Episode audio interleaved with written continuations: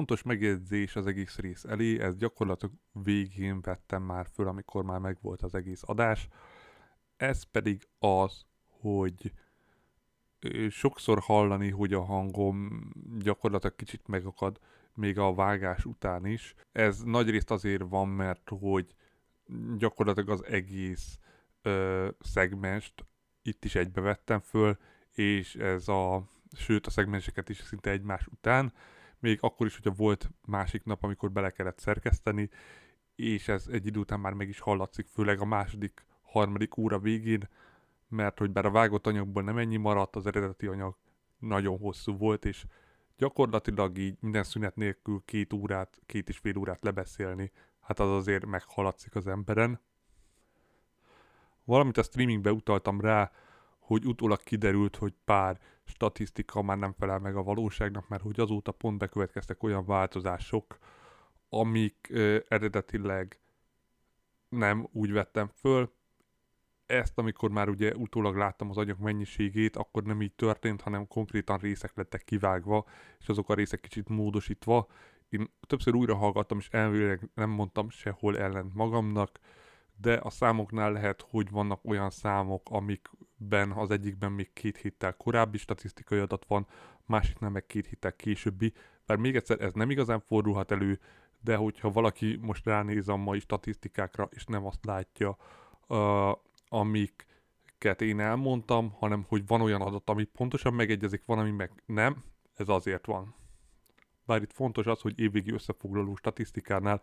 amúgy is nagyon sok filmnek az adatai már hónapok óta nem változtak, míg van olyan, amelyiknek gyakorlatilag napi szinten változott. És akkor ez a kis bevezető után, akkor nézzük is a rendes adást.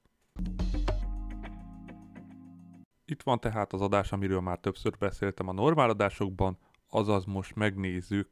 a 2022-es év amerikai box office adatainak az összefoglalóját, a 2022-es év magyar nézettségi adatainak az összefoglalóját, valamint megnézzük a 2023-as évnek az előretekintését, azaz box office mi az, amire számítani lehet, és mi az, amit 2022-ben az előretekintésnél mondtam, és megvalósult, vagy esetleg tévedés volt. Tehát az első szegmens, hogy már az előbb mondtam, ez a 2022-es évi amerikai bevételi adatok. Ugye mind a kettőt meg fogjuk nézni, tehát a, a sima amerikai és világszintű adatokat is, de ugye ez mind a kettő az amerikai szegmensbe szokott lenni, valamint megnézzük a különböző filmkiadóknak az összbevételeit, vagy az, hogy miből voltak sikeresek is. Megpróbálom a korábbi évekhez is hasonlítani az aktuális évi számaikat. Fontos megjegyezni, hogy a listában még történhetnek változások, nagyon minimálisan, ezekre majd külön kitérek, azaz, hogyha valaki ezt már később hallgatja, elképzelhető, hogy azóta ez a változás bekövetkezett, de még egyszer ezt külön meg fogom említeni az adott ponton, hogy itt változásra lehet számítani, és ahogy számoltam, ezek a változások szinte biztos, hogy be fognak következni. De még egyszer majd, hogyha ezeknél ott vagyunk. Akkor nézzük először még egyszer az amerikai 2022-es éves box office adatokat, amiben az első helyen a Top Gun Maverick van, ez ugye nagyon nagy meglepetés volt az évben, 718 millió dollárt keresett az amerikai mozikba, ez a Paramount film,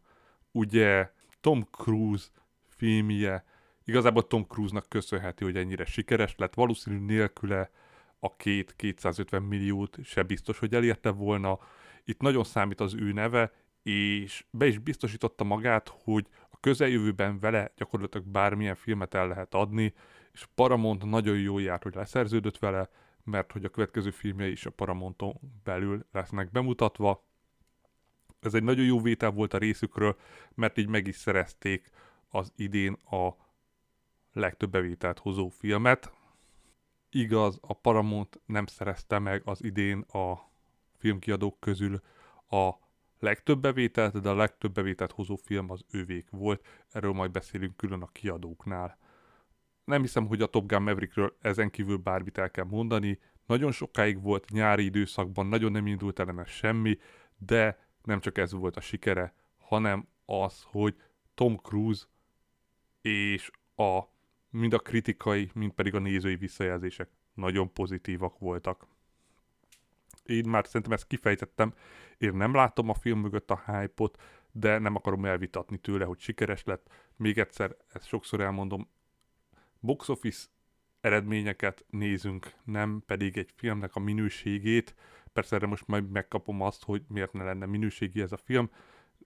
Ezt sem mondom, csak azt, hogy nincsen összefüggés a box office elsőség vagy box office helyezet és a filmnek a minősége között soha.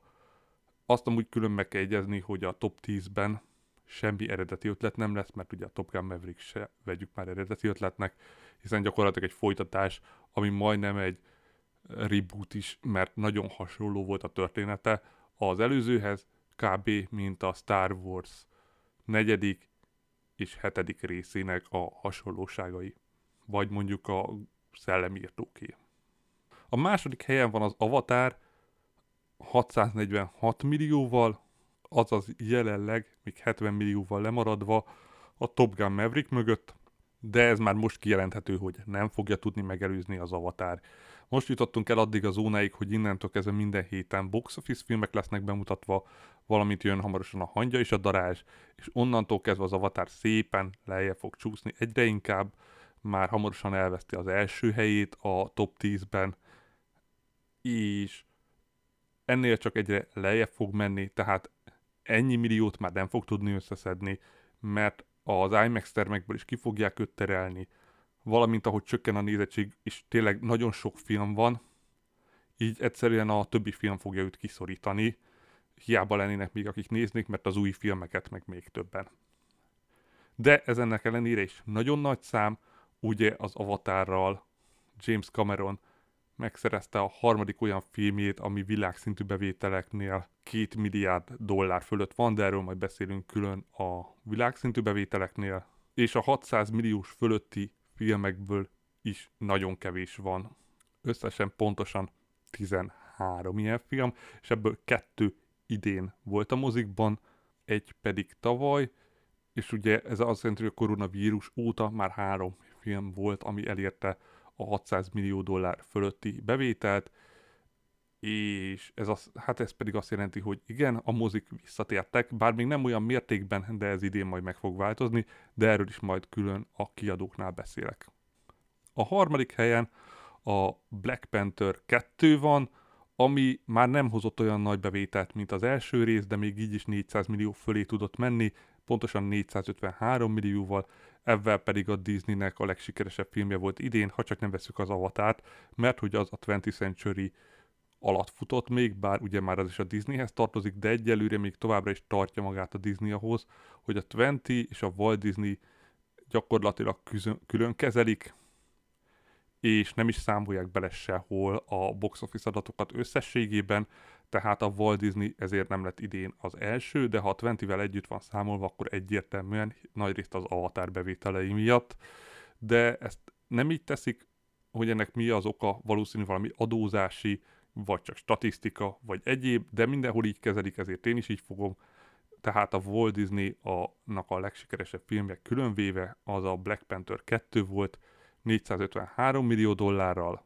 jó kérdés, hogy a Disneynek még mennyi van a Marvel Cinematic Universe-be. Igaz, a 2022-es évben három Marvel Cinematic Universe film volt, és mind a három be is került a top 10 box office filmek közé, így igazából egyelőre nincs okuk azért, hogy ne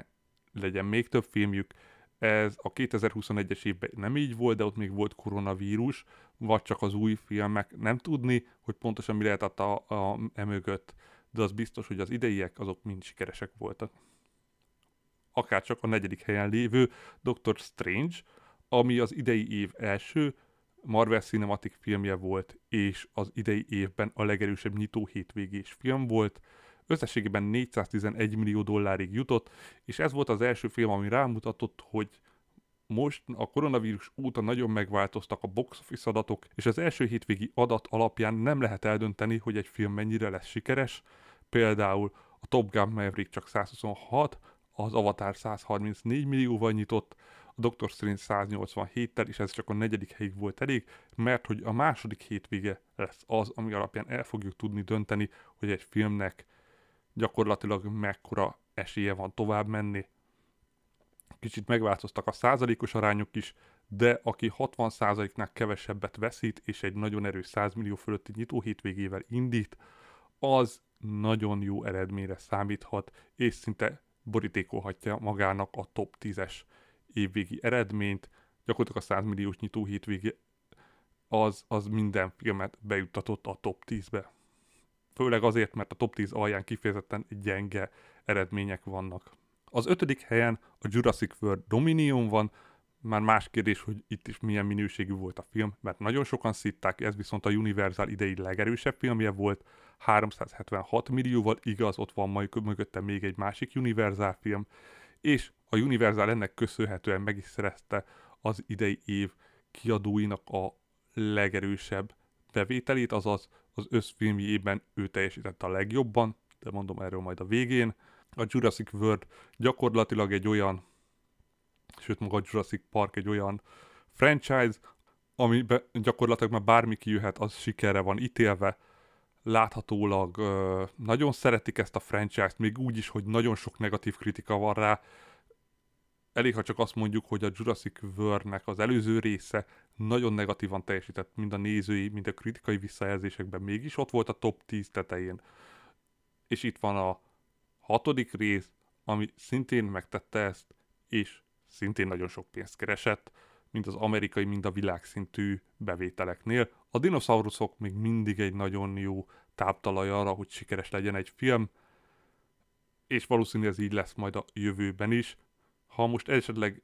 két-három vagy esetleg öt-hat évig szüneteltezik ezt a franchise-t, és majd újraindítják Jurassic Universe címen, vagy valami hasonló,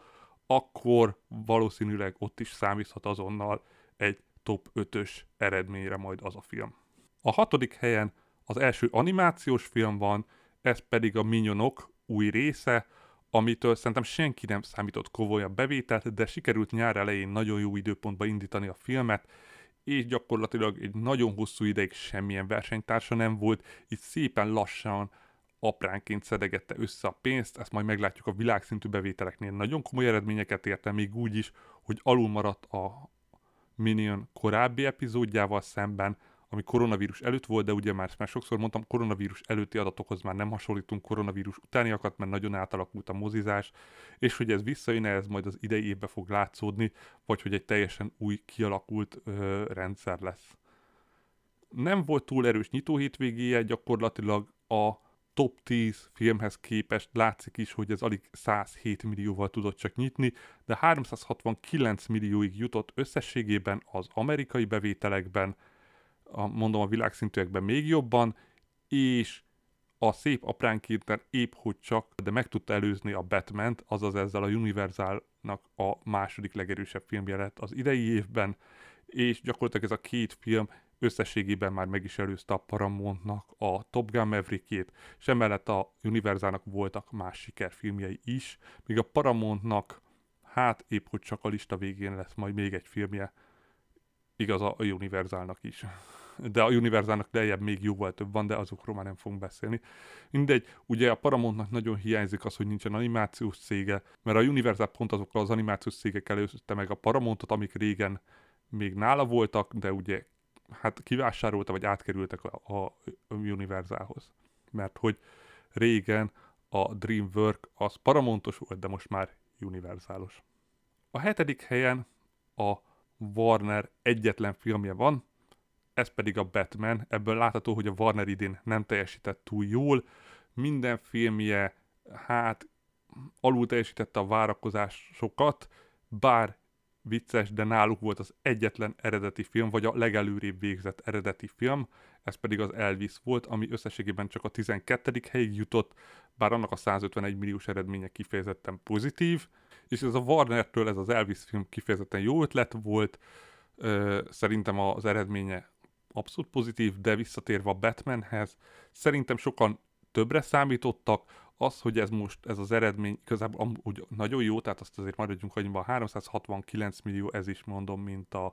Minion, de ugye ez nem tartozik a DC Extended Universe-be, vagy minek hívják, uh, hanem egy teljesen új Batman film volt, egy jóval dárkosabb. Nekem ez a film se igazán tetszett, uh, de ebben nem megyek bele, hogy miért. Lényegében nagyon jók voltak a néző és a kritikai visszajelzések, de nem tudott túl messzire menni. Sokak szerint azért, mert túl hamar került föl streamingre. Én azt mondom, ha nem került volna föl streamingre, egy-két helyet lehet, hogy előrébb ment volna, mert nagyon szoros előtte a verseny, de az se módosította volna a kiadók összversenyét. Maximum tényleg itt ilyen 10 millióval még kettő helyet előrébb tudott volna lépni. A nyolcadik helyen megint egy Marvel Cinematic Universe, azaz Walt Disney, a Thor, amire nagyon rosszak voltak a kritikai visszajelzések, a nézőiek azok már jóval vegyesebbek, akiknek tetszett a Thornak az előző rész, azaz a harmadik Thor filmnek a stílusa, azoknak tetszett, akiknek nem, azoknak nem, de mindegy, ez is megint egy, az a téma, hogy mennyire jó vagy nem jó, nem ez számít. 343 millióig jutott ez a film, és ez volt a negyedik legnagyobb nyitó hitvégés film, azaz gyakorlatilag a Marvel Cinematic Universe a legerősebb nyitó hétvégékből négyből hármat elvitt. És csak a Jurassic World volt az egyetlen, ami tudta ezzel tartani a versenyt, viszont így is látható, hogy mennyire nincs elől. Hát jó, mondjuk 8. hely egyáltalán nem a panaszra, de hogy már egyáltalán nem a nyitó hétvége számít, hanem a második hétvége, ez innen is látszik és az is, hogy bár rosszak voltak a visszajelzések, a 343 millió még mindig egy nagyon-nagyon jó eredmény. Ami 300 millió dollár, fölött van, az csak nagyon kivételes esetekben mondható el nem sikernek, ez az avatar lett volna, hogyha tényleg csak úgy teljesít, de hát az utána még nagyon beleerősített, ugye az első pár hétvégében nem volt túl jó, de nagyon kitartott az eredménye mellett, és úgy jutott el 600-ig. Úgyhogy ha, ha még egy ö, filmnek nincs is meg a duplázás vagy triplázás, mert olyan magas volt az ára. A labba ugye ez, amiről mindig beszélünk, hogy amerikai bevétel nek a kétszeresének kell lenni a büdzsének, vagy a világszintűnek négyszeresének a büdzséhez képest, akkor az már biztos, hogy sikeres, de 300 millió dollár fölött kereső filmnél ez már mindenképpen siker, hiszen 400 millió fölött már beszéltem, hogy nagyon kevés film szokott eljutni, vagy az 600-ról beszéltem, de 400-ig is, tehát az, az már nagyon kiemelkedő. Úgyhogy itt nincs is arról beszélni, hogy sikeres vagy nem sikeres. Ami 300 millió fölött keresett, az bizony egy sikerfilm. Függetlenül, hogy mennyibe került, mondom, ebbe egy kivétel lehetett volna az Avatar, mert ott nagyon sokra számítottak, és ezt teljesítette is. És hogy miért beszéltem ennyit a 300-ról? Mert hogy még évekig gyakorlatilag egy 200 millió dollár minimum kellett ahhoz, hogy bekerülj a top 10-be, Innentől kezdve az utolsó két helyezett, az bizony még 200 milliót se ért el, ez még a koronavírusnak a kivezetése lehet, valamint a sok halasztás, ami miatt idén nagyon sok erős film lesz, és nagyon sok film lesz majd valószínű 100 millió dollár fölött jóval több, mint a tavalyi évben, mert hogy a 9. helyen a Sonic 2 van, a Paramount-tól 190 millió dollárral. Igen, 190 millió dollárral már be lehetett kerülni top 10-be, ami ha nem veszük a koronavírus éveket, akkor régen ez elképzelhetetlen volt. A Paramonton nagyon jó ötlet volt ez a folytatás, jól beletalált, és mai napig elmondható, hogy övé az első komolyabb siker a videójáték feldolgozásoknál.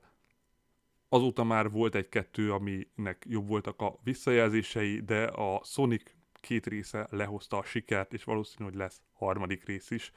hiszen a 190 millió dollár még úgy is, hogy nem ért el a 200-at vagy a 300-at, akkor is egy nagyon-nagyon erős szám, és a Paramountot az első helyre el is hozta az évvégi versenyben. És a tizedik hely a nagy kérdés, amit amikor, amikor még forgatom,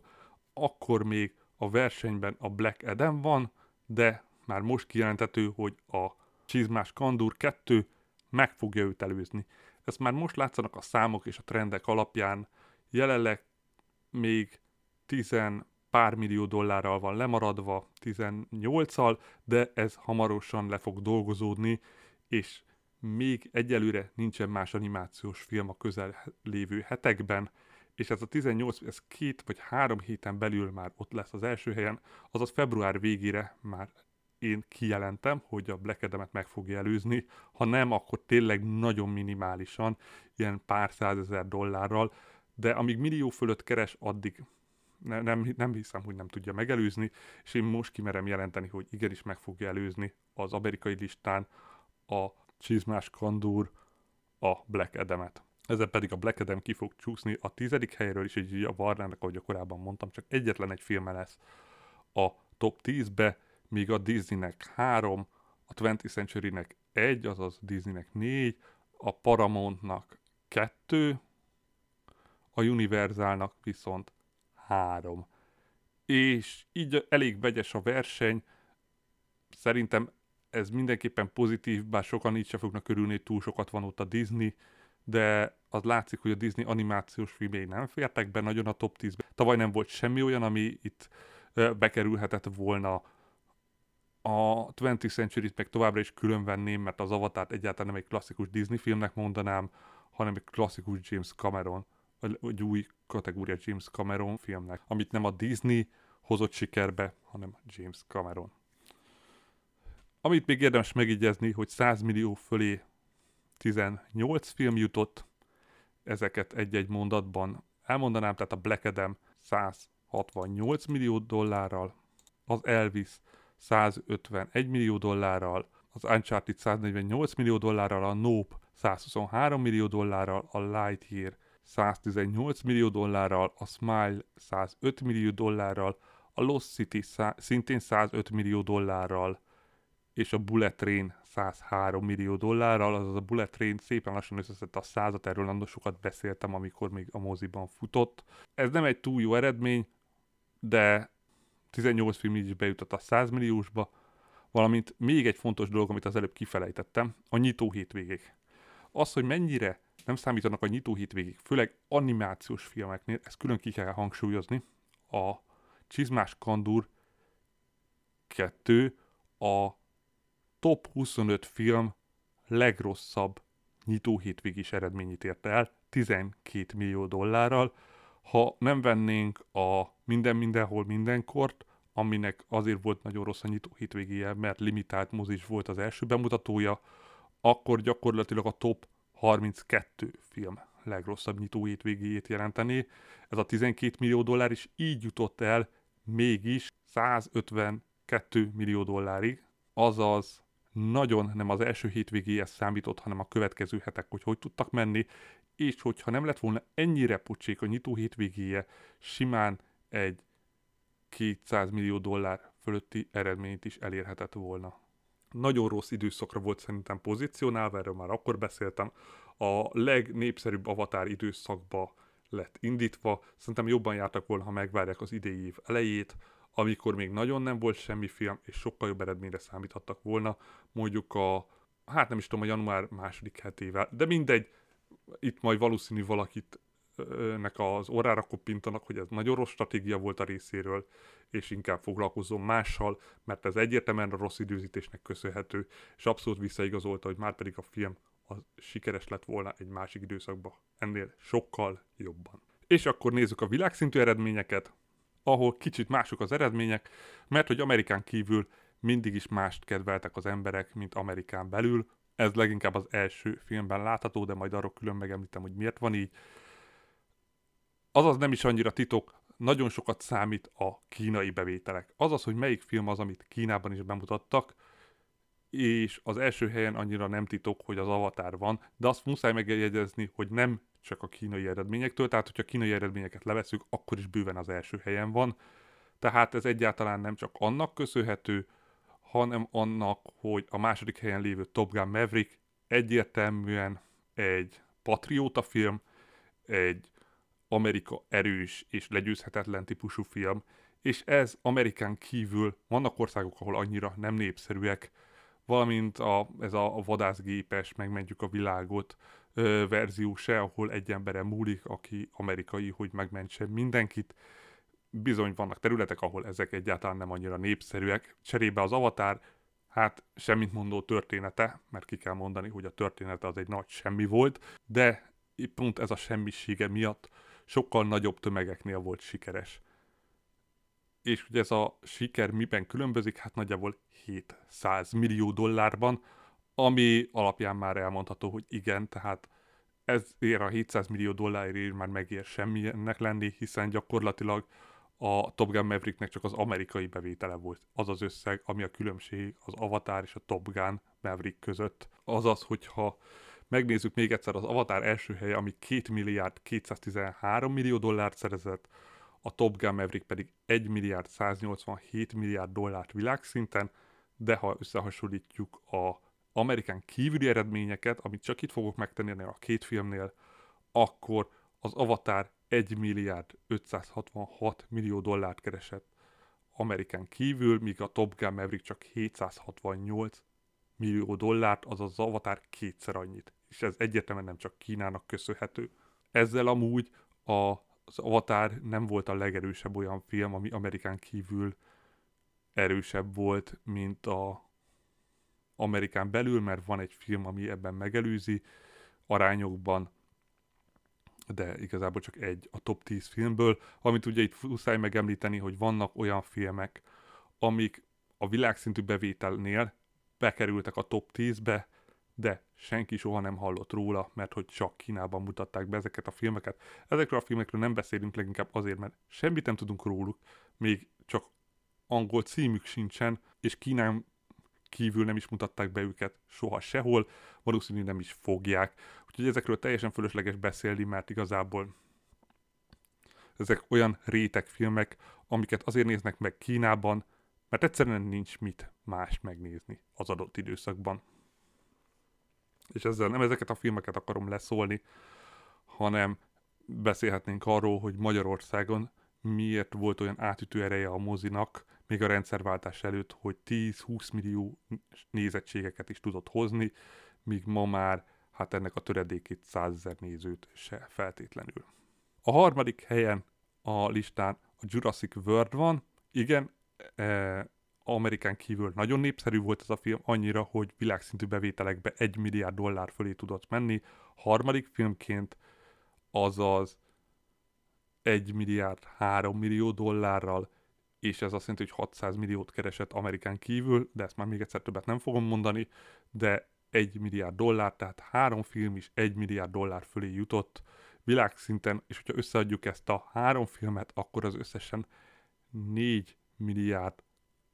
700 millió, ami nagyon durva összeg, és látszik, hogy igenis a filmekre továbbra is van kereslet a mozikban, úgyhogy aki temette a mozit, az most kiáshatja, mert bizony a mozik továbbra is mennek, és majd az idei évben ezeknek még jóval erősebb számokkal fognak zárni majd, de erről majd jövő évben. És a negyedik helyre tudott csak fölférni az első Marvel Cinematic Universe film, a Doctor Strange, bár azt gondolom nem nagy spoiler, hogy mind a három Marvel Cinematic film fölfért, az a világszintű bevételeknél is, de még egyszer a Doctor Strange 952 millió dollárt keresett, azaz közel volt ahhoz, hogy neki is meg legyen az 1 milliárd dollár. Igaz, azért az a 48 millió dollár az nem kevés, de hát ő volt a legközelebb ahhoz, hogy ez meg legyen neki. Az ötödik helyen a Minion film van, az animációs film, ugye, azaz a gyakorlatilag, míg az amerikai bevételeknél csak a hatodik helyig jutott világszintű bevételeknél az ötödikig 939 millió dollárral, azaz ez is kifejezetten sikeres volt Amerikán kívül, több pénzt is hozott onnan, mint Amerikán belül. Amúgy a top 10 filmben csak egy olyan film van, ami kevesebbet hozott Amerikán kívül, mint Amerikán belül, ez pedig a hatodik helyen lévő Black Panther 2. Ez összességében 830 millió dollárt hozott világszinten, de míg az amerikai bevétele 453, a világszintű 377 volt csak, de ez talán annyira nem is meglepő a témája miatt. A hetedik helyig jutott a Batman, a világszintű bevételeknél 767 millió dollárral. Ugye itt erről már beszéltem, nagyon hasonló volt a bevétele, tehát 48% a megoszlása a amerikai bevételnek a világszintűhöz. A nyolcadik helyen van a Thor, 760 millió dollárral, itt is nagyon szoros 45%-os az arány az amerikai bevétel a világszintűhöz, de a kilencedik helynél kicsit megint meg kell állnunk, mert hogy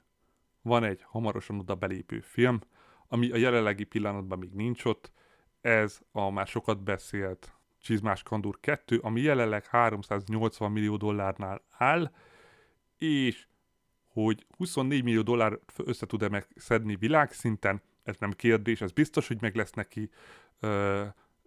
mivel az amerikai bevételt már számoltam, hogy mennyi lesz a világszintű ehhez képest, gond nélkül meg lesz neki, ennél még kicsivel több is lesz,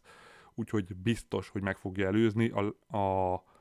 jelenleg alatta lévő filmeket, és ezzel a kilencedik helyet föl fogja szedni. Az, hogy milyen összeggel, azt nem tudom megmondani, a Thor biztos, hogy nem fogja megelőzni, de a kilencedik hely meg lesz neki. És így a tizedik helyre fog csúszni a legendás állatok, ami jelenleg 404 millió dolláron áll. A leginkább olyan film, ami Amerikában hatalmasat bukott, Amerikán kívül viszont nagyon sikeres volt, ennek nagy részt az európai és kifejezetten a brit piacnak köszönhető, míg Amerikában 95, Amerikán kívül 308 millió dollárt hozott, és világszinten ez 404 millió dollárt jelent. Ez pedig mindenképpen siker, és még egyszer ez annak köszönhető, hogy az amerikán kívüli bevételek azok megmentették ezt a filmet, de a folytatáson már nagyon el kell gondolkodni, hogy esetleg teljesen újra kell gondolni a korábbi koncepciót. Amúgy ez az egyetlen film a top 10-be, ami amerikai bevételekben nem éri el a 100 milliót, annyira, hogy az következő ilyen film az jóval lejjebb van, de itt a sok kínai filmtől sem nem tudom megmondani pontosan a hanyadik helyen. Ha jól látom, talán a 15. helyig, ahol a Bad Boys az, ami még 100 millió alatt nyitott igaz, ő is erősebben, tehát ezért se számolnám bele, és akkor a DC szuperállatok ligája az, ami ennél rosszabb amerikai bevételt hozott össze, elnézést nem nyitás, hanem amerikai bevételről beszéltünk. De mindegy, a lényeg az, hogy ez a top 10, a tizedik film 404 milliót keresett, de muszáj megemlíteni, hogy a 11. helyen a Sonic 2 van, 402 millió dollárral, még a 12. pedig az Uncharted 400 millió dollárral. Erről azért muszáj beszélni, mert nagyon közel voltak, és nagyon kicsi volt köztük a különbség, és a 400 millió dollár még világszintű bevételnél is azért erősnek számít. Amit még megemlítenék, az az Elvis 281 millió dolláros világszintű bevétellel, mint a legmagasabb helyen lévő eredeti ötlet alapján készült film. És itt, ami megemlíteném, lehet, hogy az életrajzi filmeket nem eredeti ötletnek szokták mondani, de nem franchise tagja, ha csak nem ugyanabban a univerzben van, mint a többi élőszereplős film, itt nagy idézőjelekkel is természetesen viccből mondva, hanem erről beszélünk. Ha viszont nem minősül annak, akkor a Bad Guys van pontosan egy helyjel alatta. És hogy egy kicsit beszéljünk még a, hát a év végéről. Ugye az utóbbi években a koronavírus nagyon megtépázta a mozit, erről már sokat beszéltünk. Ez a jegyeladásokban látszik a legjobban, mert hogy nem veszünk inflációt, meg bevételt, meg semmit. Nézzük csak a jegyeladásokat. Gyakorlatilag 1995 és 2019 között mindig 1 milliárd 200 millió fölött volt az eladott jegyszám. Ebből volt, amikor nagyon kiugrott 1 milliárd 500 millióig, de 1 milliárd 200 millió alá sosem ment. Aztán jött a koronavírus, ahol nem voltak mozik, itt 200 millióra lecsökkent ez a szám, 2021-ben ez visszajött 492 millióra, és tavaly már 812 millióig jött vissza, azaz idén már számíthatunk arra, hogy egy ilyen ütemű növekedéssel idén újra 1 milliárd fölötti eladott jegyszám lesz. És hogyha ez így van, akkor még a legnagyobb kétkedőknek is el kell engedniük, hogy már pedig a mozi visszajött. A bevételek azok nem feltétlenül így alakulnak, mert hogy ugye a jegy eladási szám és a bevétel az nem mindig alakul ugyanúgy, de az infláció miatt összehasonlíthatatlan, mert még mondjuk 95-ben ez az 1 milliárd 200 millió jegy, ez 5 milliárdos éves bevételt jelentett, addig szinte ugyanez a nézőszám 2019-ben 11 milliárdos éves bevételt, bár jó, itt megemlíteném, az inflációs adattal tök ugyanannyi. Tehát, hogyha az inflációt nézzük a két év között, akkor szinte 20 millió dollárra megegyezik a két összeg, úgyhogy akkor ezt vissza is vonnám, amit az előbb mondtam. Tehát nem inflációilag nagyjából megegyezik, és hogyha az inflációt nézzük, ez a 11 milliárd dollár, ez 1995 óta gyakorlatilag egy alapösszeg, ami alá sosem ment, és akkor de, mert 2020-ban a ez a 11 milliárd helyett 1 milliárd volt, majdnem 2, de 2 alatt kicsivel, tehát 1 milliárd 900 millió,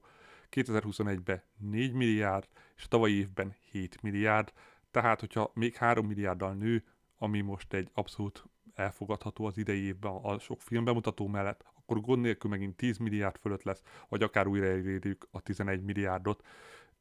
Ha már a 11-et nem is érnénk el, de a 10 igen, már akkor is ott lenne, hogy azért, mert sok alternatív út van, és itt a streamingre kell gondolni, de szerintem a 10 milliárddal mindenki elégedett lenne. Ha 11 milliárdig is eljutunk, akkor meg minden stúdió pezsgőt fog bontani. És akkor nézzük meg a stúdiókat. Még hozzá kezdjük a tavalyi év legsikeresebb stúdiójával, ami összességében 1 milliárd 500 millió dollárt tudott hozni, ezzel pedig az össz jegymennyiség 20%-át, vagy összbevétel 20%-át meg tudta szerezni magának. Elnézést, tehát bevétel arány, nem pedig eladott jegyarány. És akkor nézzük meg gyorsan a bemutatott filmjeiből, a tízről beszéljünk minimálisan csak. Akkor nézzük meg az öt, első öt helyen lévő filmjét, amiben az első Jurassic World volt, természetesen a második a Minyonok, a harmadik a Nope. Itt fontos megjegyezni, azért Nope van előrébb, és nem a Csizmás Kandúr 2, mert hogy valamiért itt ebben a statisztikában, de csak ebben a statisztikában külön veszik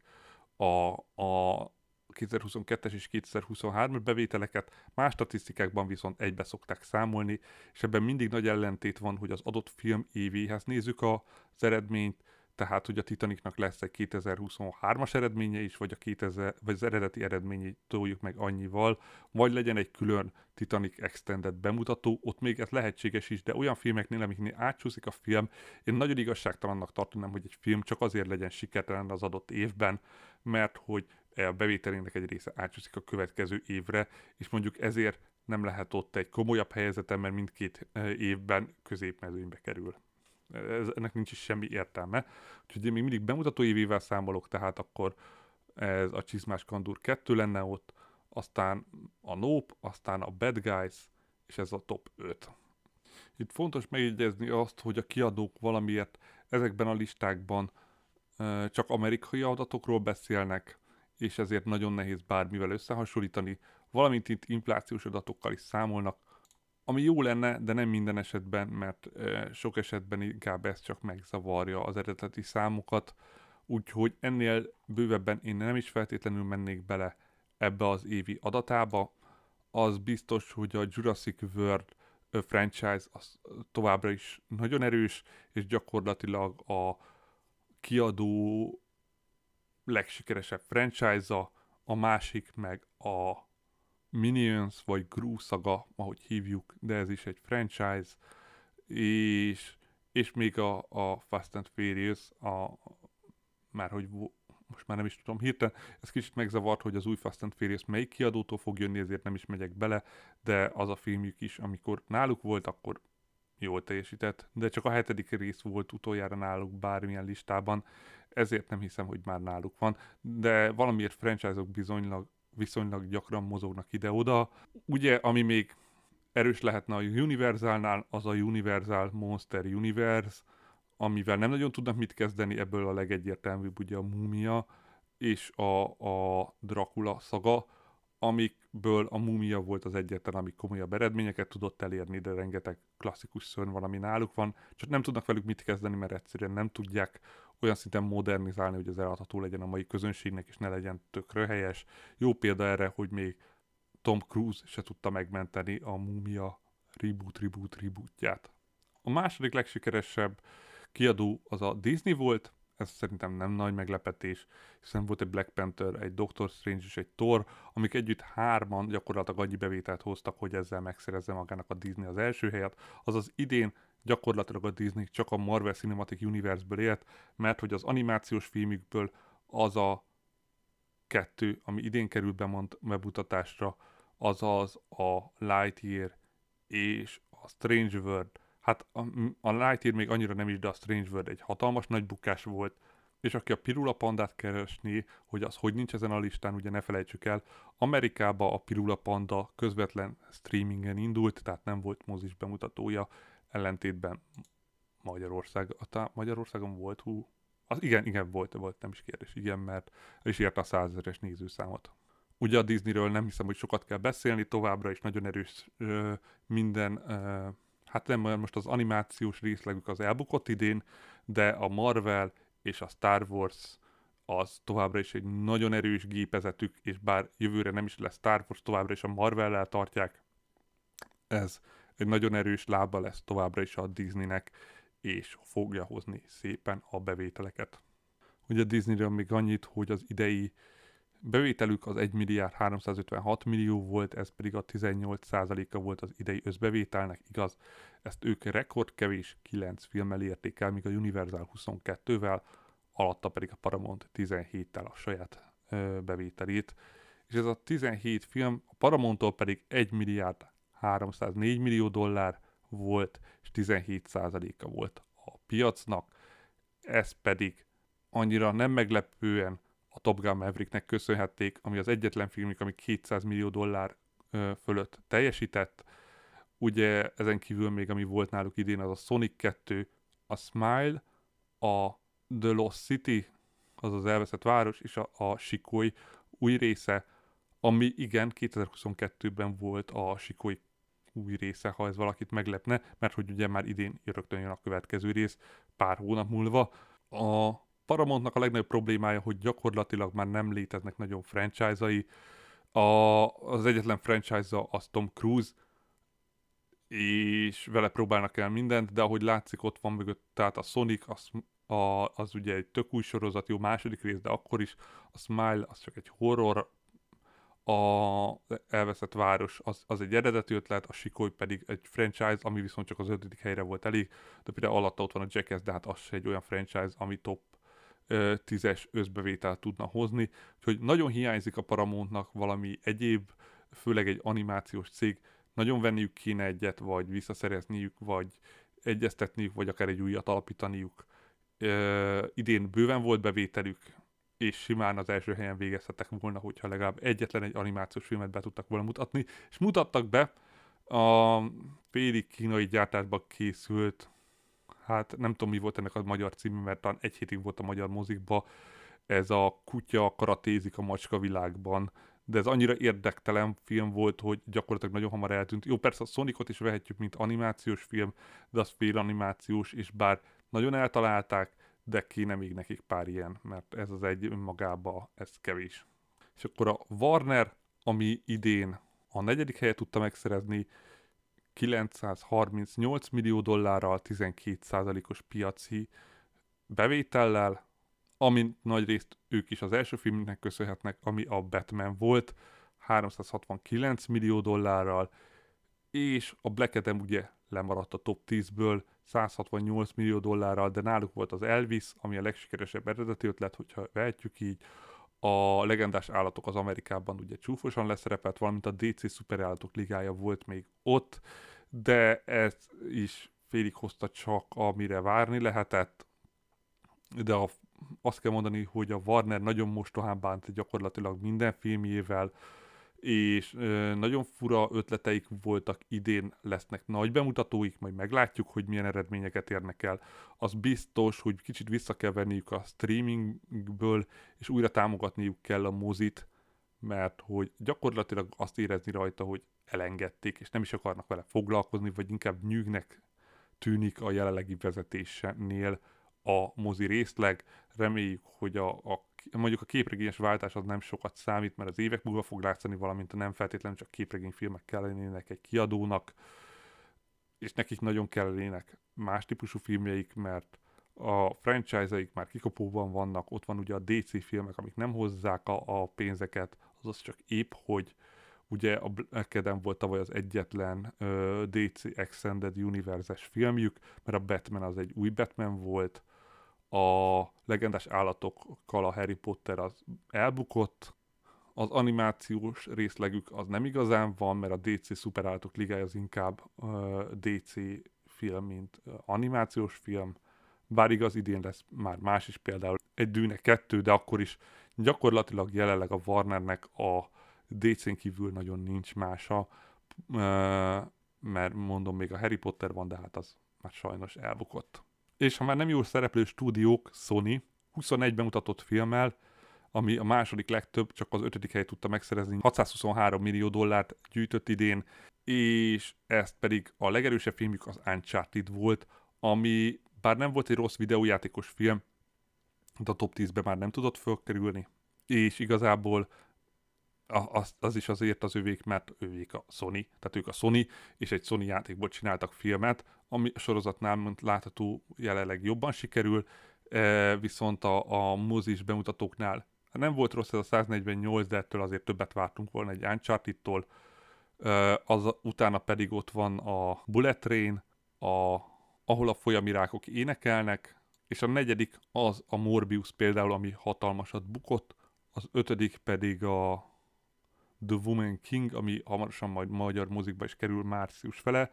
de hogy az már alig 67 millió dollárt tudott csak összeszedni Amerikába. Az, a Sony animációs részlege kifejezetten bajba van, bár idén majd jön egy új animációs pókember, ami valószínű, hogy elég magasra repíti őket, de hát ezek a, a filmek, hát a, a pókember pénzek azok nagyon kellenek a sony mert más nagyon nincsen. Bár a Bullet Train az teljesen jó volt, hogy ezt bevállalták, mert eredeti ötlet volt, RS film volt, és 100 millió fölött keresett, de jó, ott van az, ahol a folyami rákok, ami legalább egy, mindig csak egy eredeti ötletű, egy könyvfeldolgozás, de akkor is, hogy, hogy nem egy folytatás, vagy egy reboot, vagy bármi ilyesmi, de, de, de hát nagyon, nagyon kellenének a sony valami nagyobb bevásárlás, filmek szempontjából, vagy franchise-ok szempontjából, bár ott van mögöttük a teljes ö, Sony videójáték részleg, hát ezzel egyelőre nem nagyon tudtak élni. Úgyhogy ö, sokat elmond, hogy jövő évben valószínű nem az övék lesz a legsikeresebb videójátékos mozifilm, mert hogy az szinte biztos, hogy a Super Mario lesz, ami pedig az Illumination csinál, ugye aki a Gru-kat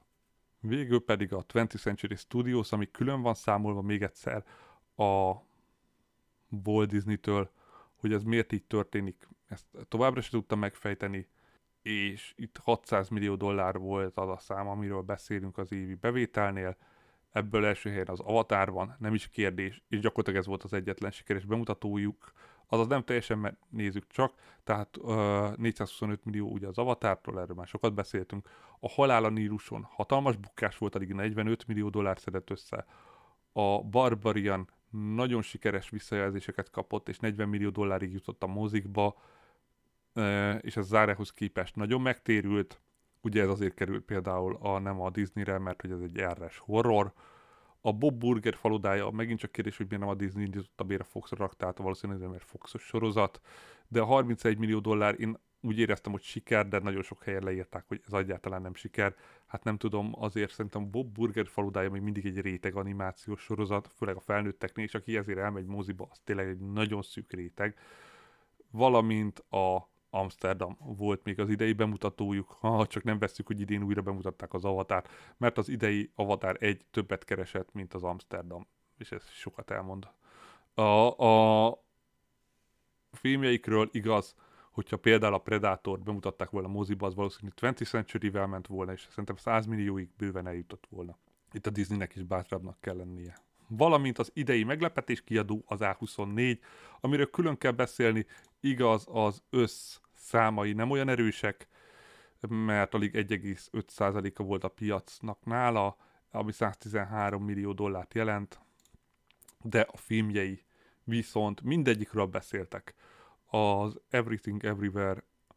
All at Once az ugye nagyon sikeres volt, amúgy érdekes, hogy náluk szinte minden R kategóriás kivéve egy, ami meg rögtön Oscar díj jelölt volt, de mindegy, tehát a minden mindenhol mindenkor 70 millió dollárt összeszedett, ezzel a legsikeresebb filmük volt, és bőven visszaszedte az eredeti árát, úgyhogy nagyon sokat uh, keresett, de gyakorlatilag náluk szinte minden filmje visszakereste az árát, mert nagyon alacsony árkategóriás filmek vannak náluk, és uh, mind bőven visszakeresi az árát, mert hogy annyira sikeresek. A második helyen az X volt, a, és a harmadik helyen a Pearl, ugye ez egy film is annak a folytatása, ami egy évbe kerültek bemutatásra, ezek is horrorok,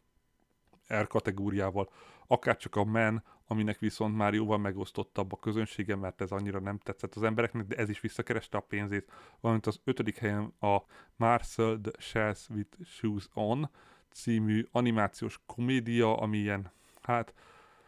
az animációjára nem lehet sok mindent mondani, azt meg kell nézni, mert nem lehet elmagyarázni, de az is 6 millió dollárt keresett, és Oscar díjas jelölt, mint a legjobb animációs film. Úgyhogy ez is érdekes, hogy gyakorlatilag az A24-nek, mint független kiadónak van Oscar díj előtt filmje, ja persze, meg a mindenhol, mind, minden, mindenhol, mindenkor, ami rengeteg kategóriában jelöltek, és így gyakorlatilag egy kis kiadó behúzhat Oscar díjakat. Bár amilyen filmek vannak náluk, ez annyira nem meglepő, mert például náluk volt bemutatva a Vörös Rakéta, ami amúgy annyira most nem volt jó, mint a korábbi film, a, vagy a Bálna, ami szintén egy Oscar díj jelölt film, de ami biztos, hogy az A24 úgy tűnik, hogy kitörhet azokból, hogy eddig nem nagyon volt ismert a neve, mert oké, okay, voltak eddig is jó filmjeik, de ennyi, mint idén szerintem még sosem volt, és egyértelműen összefort a neve azzal, hogy kis kiadós, de érdemes megnézni moziba, és majd ezt meglátjuk, hogy ezt hogy tudják kamatoztatni 2023-ban, mert a legtöbb filmjük viszonylag olcsón és viszonylag gyorsan készül, hiszen nem nagyon drága filmekről beszélünk, és nagyon sok a, a kamara darab, az az egy helyszínen játszódó film is a részükről. Amiről még szintén beszélnék, az az idén a hát a kiadók, amik még épp hogy élnek, mert hogy vannak még rosszul szereplő kiadók, de van egy, amit külön megemlítenék, ez pedig a Lionsgate. A Lionsgate gyakorlatilag lélegeztető gépen van. Idén négy filmjük volt a moziba, és még volt nem is rossz filmjük, ami szerintem Magyarországon nem jutott el a mozikba, de valahogy egyszerűen épp hogy csak vannak. Az egyik az a, a gigantikus tehetség elviselhetetlen súlya, ami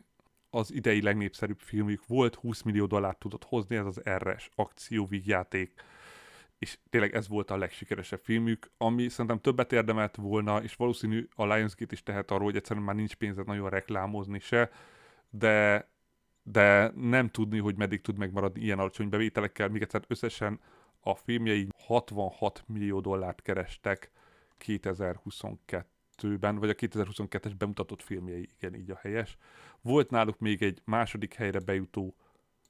démoni fény, egy horror, ami szörnyen nézhetetlen volt, bár nagyon olcsó volt, de olyan is volt, és 19 millióig még így is eljutott, de hát a második rész kérdéses, hogy meddig fog. Volt egy Moonfall, egy hatalmas bukás, ami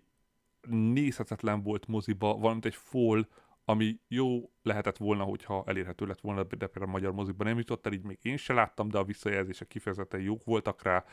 de ez nagyon kevés. A Lionsgate-nek nagyon kellenének új franchise-ok, igaz, náluk van a John Wick, ami idén lesz, a Hunger Games, aminek idén lesz egy előzményfilmje, és ez kettő olyan film, amivel eljöhet a, a megalázó tizedik helyről, bár én nem, azon se lepődnék meg, hogyha rosszul szerepelnének ebbe az évbe is, akkor egyszerűen fölvásárolnák őket. Ugye még a fűrész van náluk, uh, aminek lesz ugye egy újabb része, leginkább azért, mert egyszerűen nincs miük, animációs részlegük egyáltalán nincsen, régen még volt egy jó menő dokumentum részlegük, de már az is eltűnt, és, és ennyi. Egyszerűen nincs náluk, a Madea filmek futottak náluk, de hát ez bár Amerikában egy nagyon népszerű sorozat, nem igazán a minőségéről híres, és egyáltalán nem akarom leszólni, de én két részt is megnéztem abból a sorozatból is. Hát nem, nem nekem készült, igen, és én megértem, hogy nem nekem készült, csak ettől még nem hiszem el, hogy ez nem szar. Mert, úristen. Mindegy,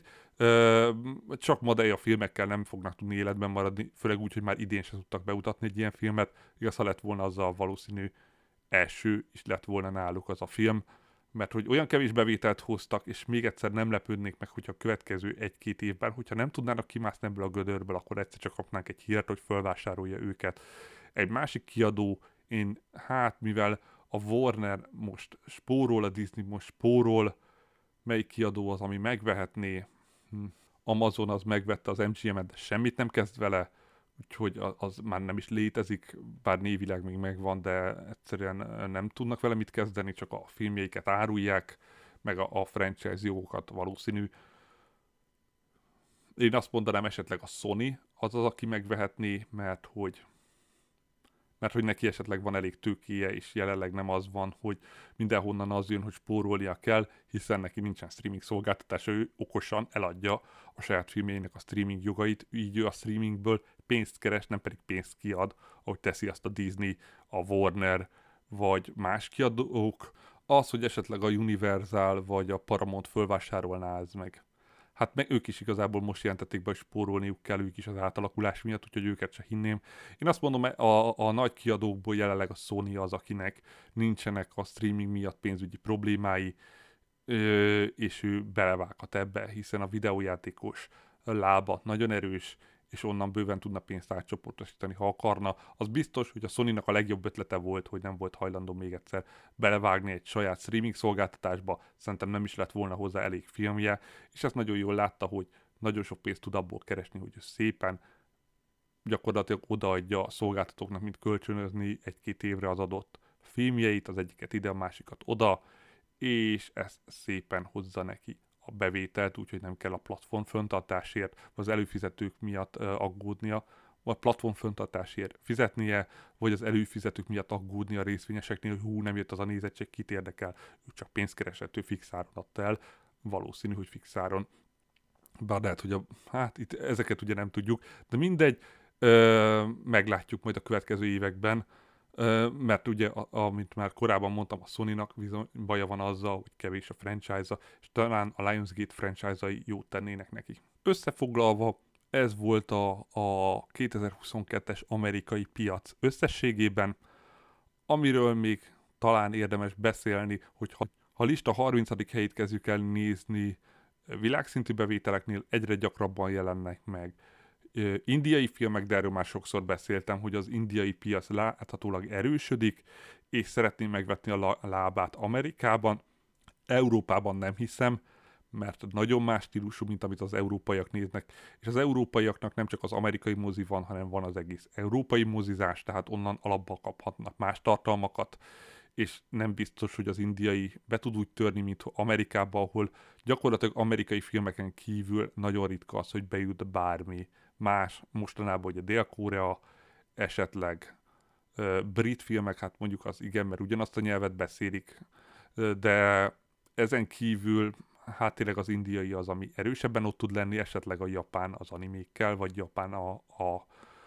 filmjeikkel, tehát nem csak animékkel, de, de más típusú film Amerikában nem igazán eladható, de az indiai piac érezhetően erősödni próbál ott is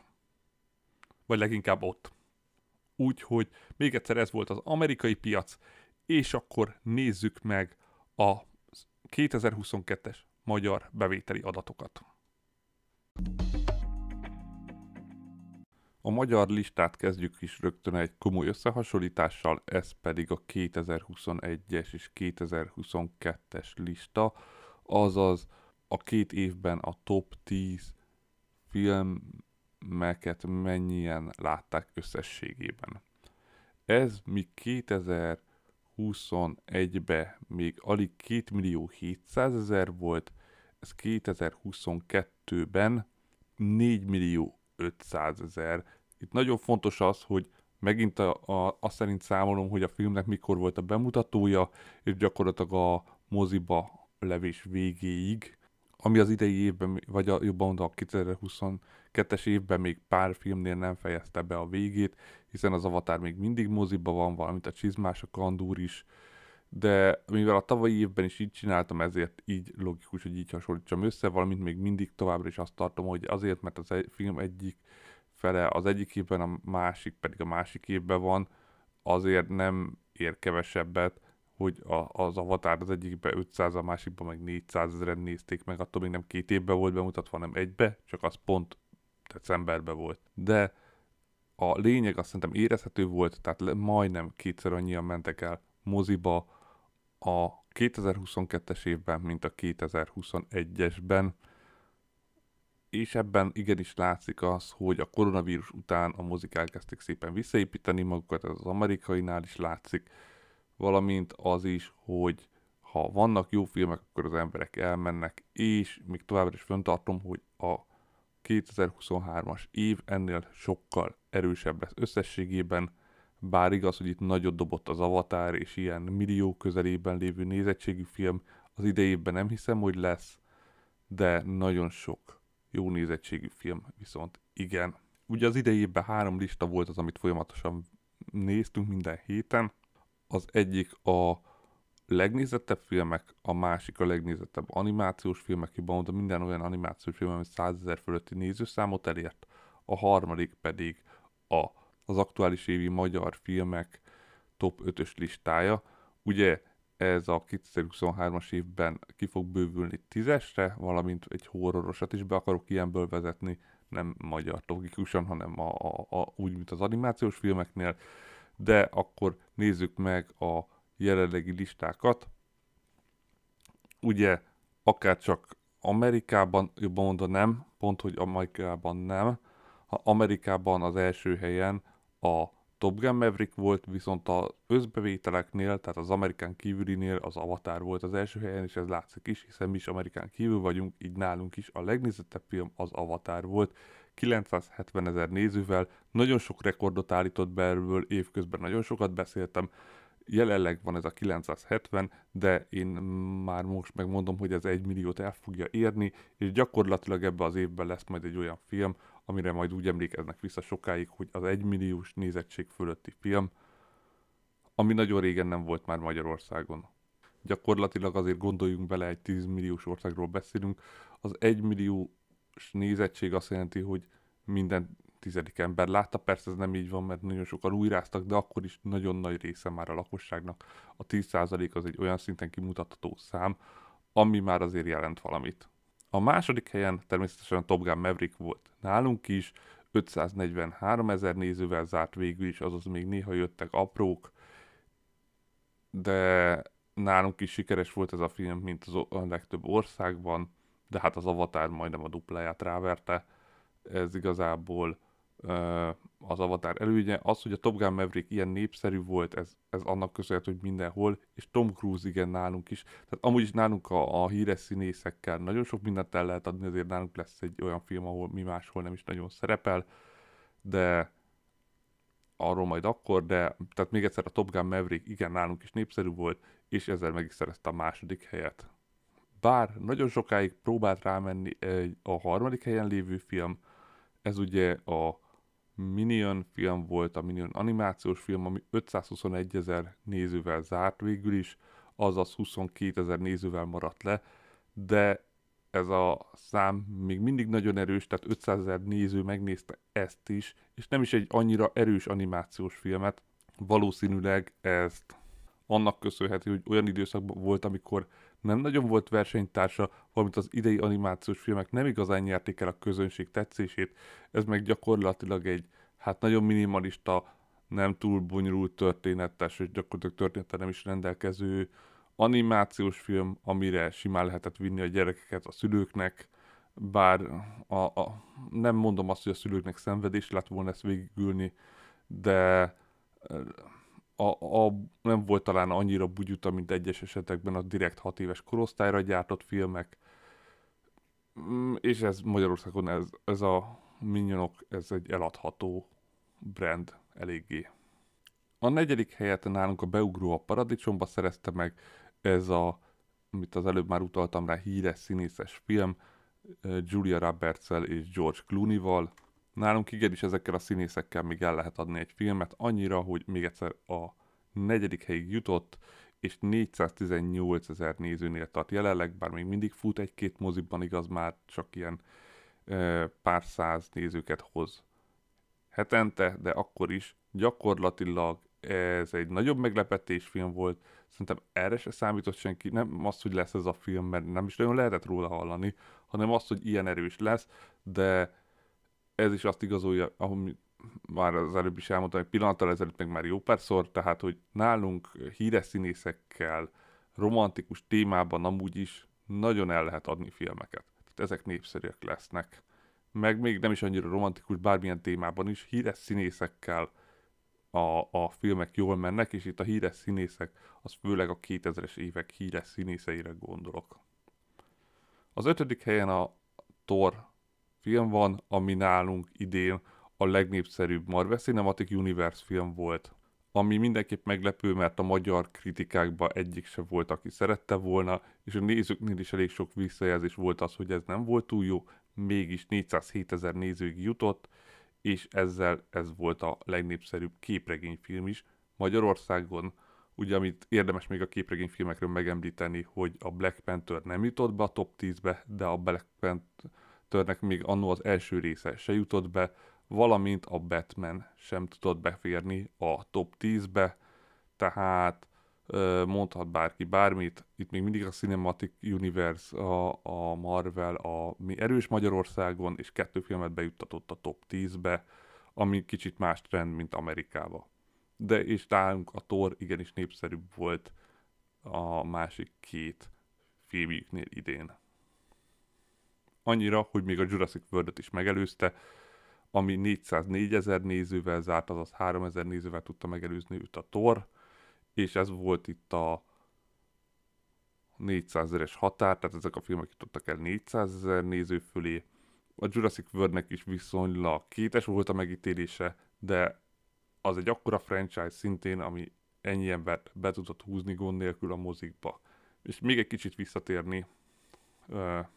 amit az előbb elfelejtettem, tehát nálunk a negyedik helyi jutott egy eredeti film, ez a Beugró a Paradicsomba, azaz Nálunk ö, alapba volt eredeti ötlet a top 10-be, sőt kettő is, az a másik az majd a tizedik helyen lesz, de hogy míg Amerikában ez jóval lejjebb volt, nálunk a top 10-be befért kettő.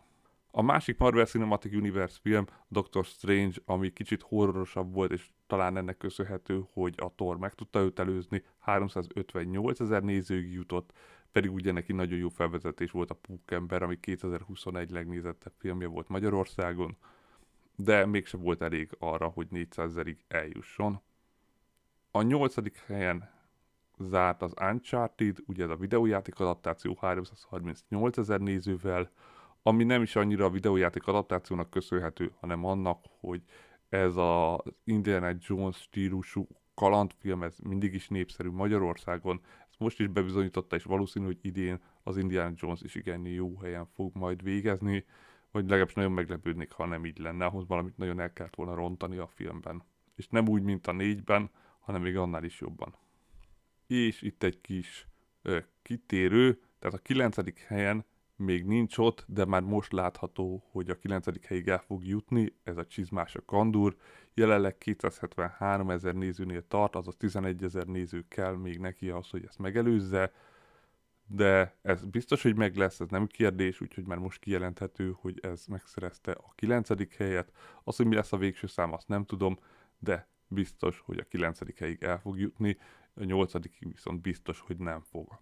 Végül pedig a tizedik helyen a másik eredeti ötlet az elveszett város 284 ezer nézővel, azaz 280 ezer volt az a nézőszám, amivel be lehetett idén kerülni a top 10 filmbe. Ez azért nem egy kis szám. Ö, Amerikában ugye, talán említettem is, hogy simán 200 millió dollár alatt is be lehetett kerülni a top 10-be. Magyarországon azért megkérte a nézőszám ahhoz, hogy be lehessen kerülni. Tehát 2021-ben még 170 ezer néző körül be lehetett kerülni. Ez 2022-ben 280 ezer volt, és idén akár még ez a 300-at is elérheti a nagy bemutatók miatt, de ezt majd meglátjuk az év közben. Én most egy ilyen jóslatot teszek, hogy szerintem jövő évben, azaz az idei évben nem a top 10-ben csak 300 ezeres nézettség feletti filmek lesznek. És akkor nézzük az animációs filmeket. Itt gyakorlatilag azért csak a százeret kezdtem el számolni, mert az év elején nagyon kevés animációs film volt, de és ahogy jöttek, egyre rosszabbul teljesítettek. Igazából az évelei animációs filmek nem mentek túl jól, az év közbeniek épp hogy csak, tehát volt, ami épp hogy csak elérte a százeres nézőszámot, de akkor nézzük a listát, azaz az első helyen a Minyonok van 521 ezer nézővel, a második a Csizmás Kandúr, még nem tudjuk az eredményét, de olyan 280 valahány ezer néző lehet, esetleg 300. A harmadik az a Sonic 2, ami a top 10-ből épp hogy csak lemaradt, köszönhetően pont a csizmás kandúrnak, 260 ezer nézővel, és akkor itt egy nagyobb szakadék, mert utána jött a negyedik helyen a DC Szuperállatok Ligája, ami meglepő, hogy 144 ezer nézőig el tudott menni, ez engem számomra nagyon fura volt, nem gondoltam volna, hogy ennyire népszerű lesz ez. Az ötödik a Rossz Fiúk 130 ezer nézővel, a hatodik pedig az évelejéről a Pirula Panta 106 ezer nézővel, ami ugye nálunk moziba került ellentétben az USA-val, ahol rögtön streamingen debütált. Végül nézzük meg a magyar filmeket, amiről rögtön az elején nagyon fontos elmondani valamit, hogy gyakorlatilag ilyen rosszul szereplő magyar filmek utoljára valamikor a, hát, ha nem veszük a koronavírus évét, akkor sosem volt. Tehát még a rendszerváltás előtt kifejezetten nagy volt a moziba járás, és ténylegesen ott voltak filmek, amik ilyen nagyon durva számokat értek el, milliós fölötti számokat idén volt az első olyan év, ha a koronavírus évét nem veszük, amikor nem ért el egy film se a százezeres nézőszámot, és itt a koronavírus éve azért nem számít, mert ott tényleg több hónapig zárva voltak a mozik, és a visszanyitása után is sok ideig csak maszkba lehetett járni, de még így is volt olyan koronavírusos év, mert ugye az két évet vitt el, amiben elérték ezt a százezeres számot, az más kérdés, hogy milyen filmmel, idén ez még rossz filmmel, se semmilyen filmmel se sikerült és ez egy nagyon szomorú jövőt tekint a magyar filmek elé. Mm, majd meglátjuk idén, hogy ezt visszaigazolja Ugye lesznek hát nagy költségvetésű történelmi filmek, ezek viszont az embereket nem vonzák moziba, ezt lehet tudni. Magyarországon a vígjáték, a romantikus vígjáték és a romantikus film az, ami alapvetően az embereket bevonza, valamint esetleg még talán a dráma, de hogy a, a, alapvetően ezek a témák, a történelmi film az,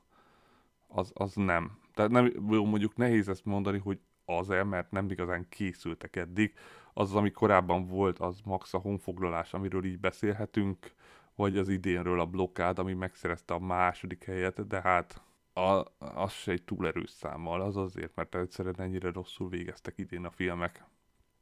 Tehát az első helyet megszerezte magának a nyugati nyaralás, ez ugye már elérhető streamingen. Az, igazából már mind elérhető streamingen, kivéve a blokkád.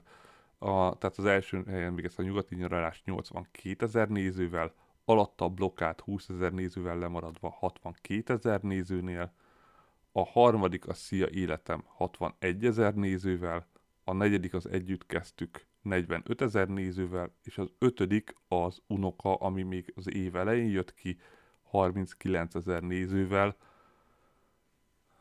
és nagyon sok magyar bemutató volt, nagyon sokat 10 ezer nézőnél már kifutott, 20-ig nagyon kevés jutott el, de ezt majd talán jövőre jobban látjuk a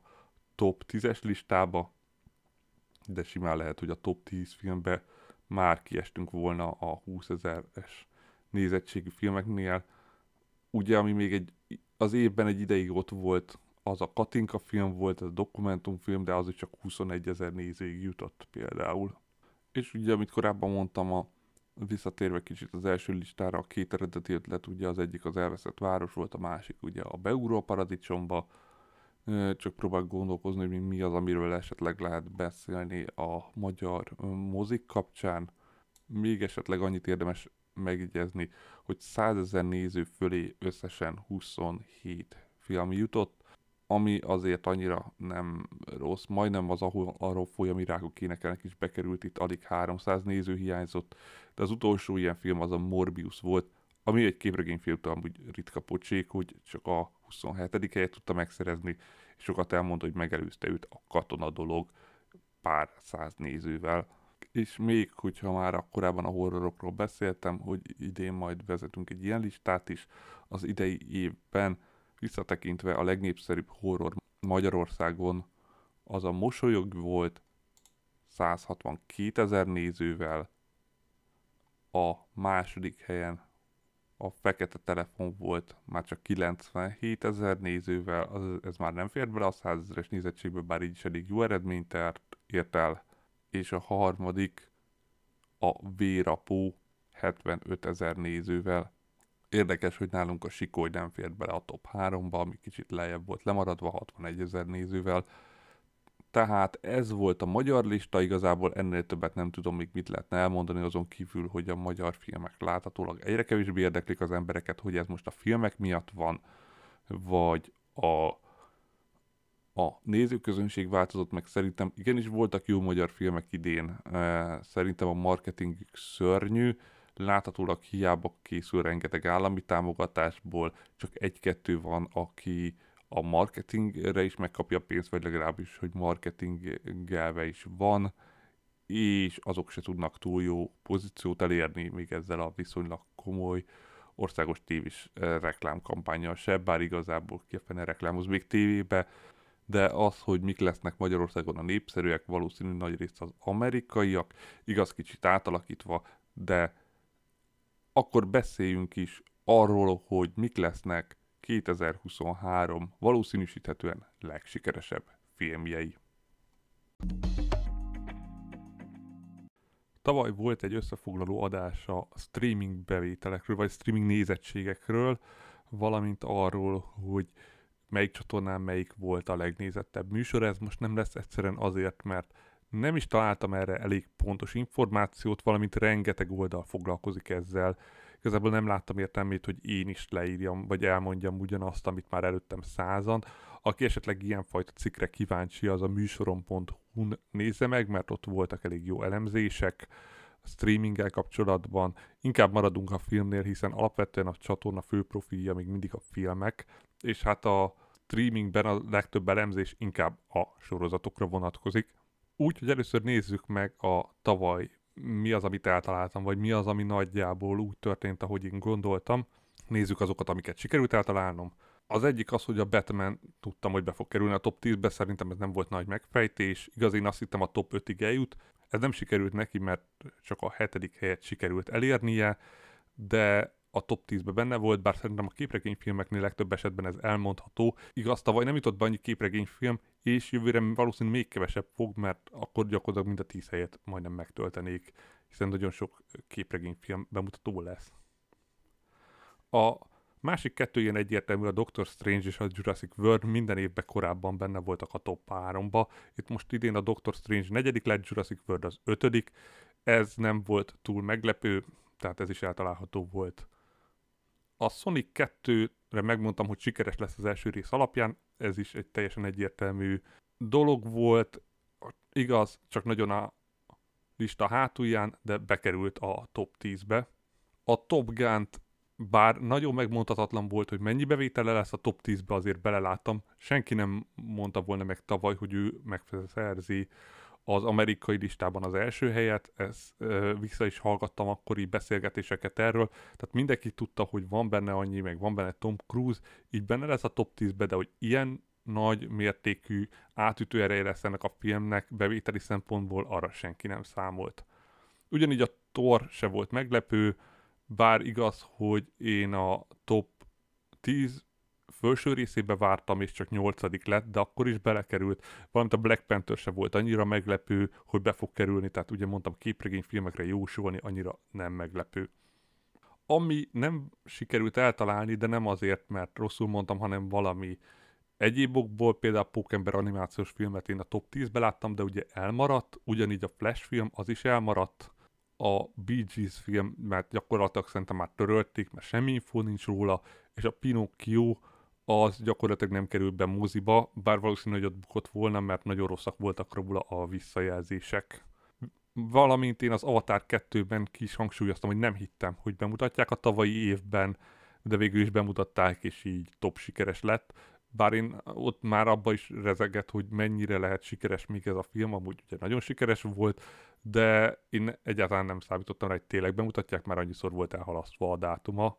és az egyértelmű tévedések, az egyik a legendás állatokat, én azt hittem, hogy még be tudja húzni magát a top 10-be, nem tudta, nem igazán volt túl sikeres. Amerikai bevételnél, mert arról beszélünk, ugye Amerikában a 20. helyet tudta megszerezni magának, hát ez egyáltalán nem egy jó hely.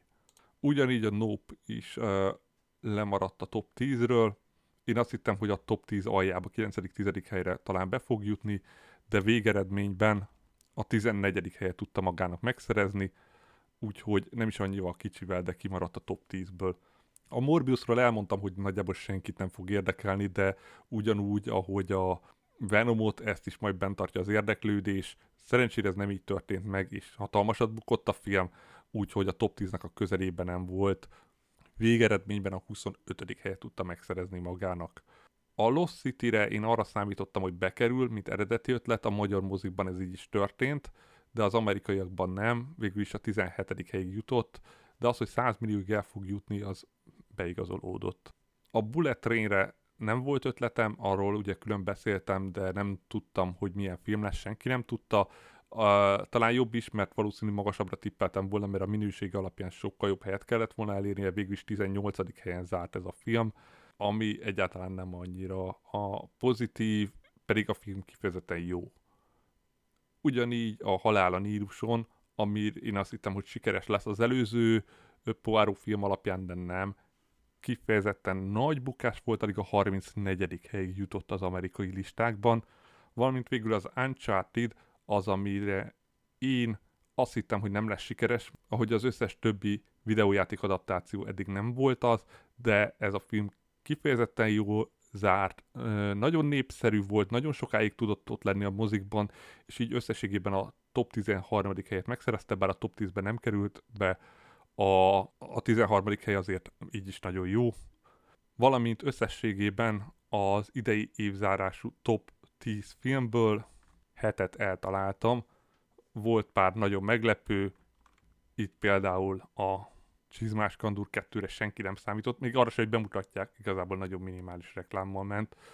de a nagy része az eltalálható volt a listáknak, valamint az animációs filmekre nem is igazán figyeltem oda, most már erre jobban odafigyelünk majd. És akkor, amiről már sokat beszéltem, a tavalyi év annyira szerintem nem volt erős, mozik bemutatók kapcsán azonban az idei az mindenképpen az lesz, ezért nagyon-nagyon kiszámíthatatlan, hogy mik lesznek az idei top 10 filmbe, mert hogy nagyon sok olyan nagy box office film lesz, a, aminek kötelező lenne ott lennie, de mindent nem fog tudni ott lenni. Kifejezetten sok animációs film lesz, kifejezetten sok olyan, ami kiszámíthatatlan, de akkor nézzük is meg a listában. Próbáltam kategóriákba tömöríteni őket, most egyáltalán nem merek tippelni, hogy melyik fog bejutni a top 10-be, párról elmondom, hogy szerintem annak kötelező lenne ott lennie, és akkor rögtön 5 nagy blockbuster, az akciókaland blockbusterekből, amikből négy valószínű ott lesz az év végén. Az egyik a Fast and Furious tizedik része, ami évek óta ott van sőt volt, hogy az első hely közelében is ott volt, főleg világszintű bevételeknél meg is szerezte az első helyet, de ez mind Amerikában, mint Amerikán kívül nagyon sikeres szokott lenni. Így nagyon meglepődnék, hogyha 10-ben nem kerülne bele, függetlenül a film minőségétől. Ugyanígy a Mission Impossible új része, ugye Tom Cruise tavaly megmutatta, hogy gyakorlatilag ő bármit képes eladni, és még mindig milliók mozdulnak meg, hogyha az ő neve jelenik meg egy film mellett. És a Mission Impossible sorozat is kifejezetten népszerű, így az se kizárt, hogy akár az első helyig jusson az új Mission Impossible részsel, ami két rész lesz kettészedve, az egy rész lesz a két részből, úgyhogy talán ez az, ami kicsit távol tarthatja a moziba járókat, hogy sokat kell várni a következő részre.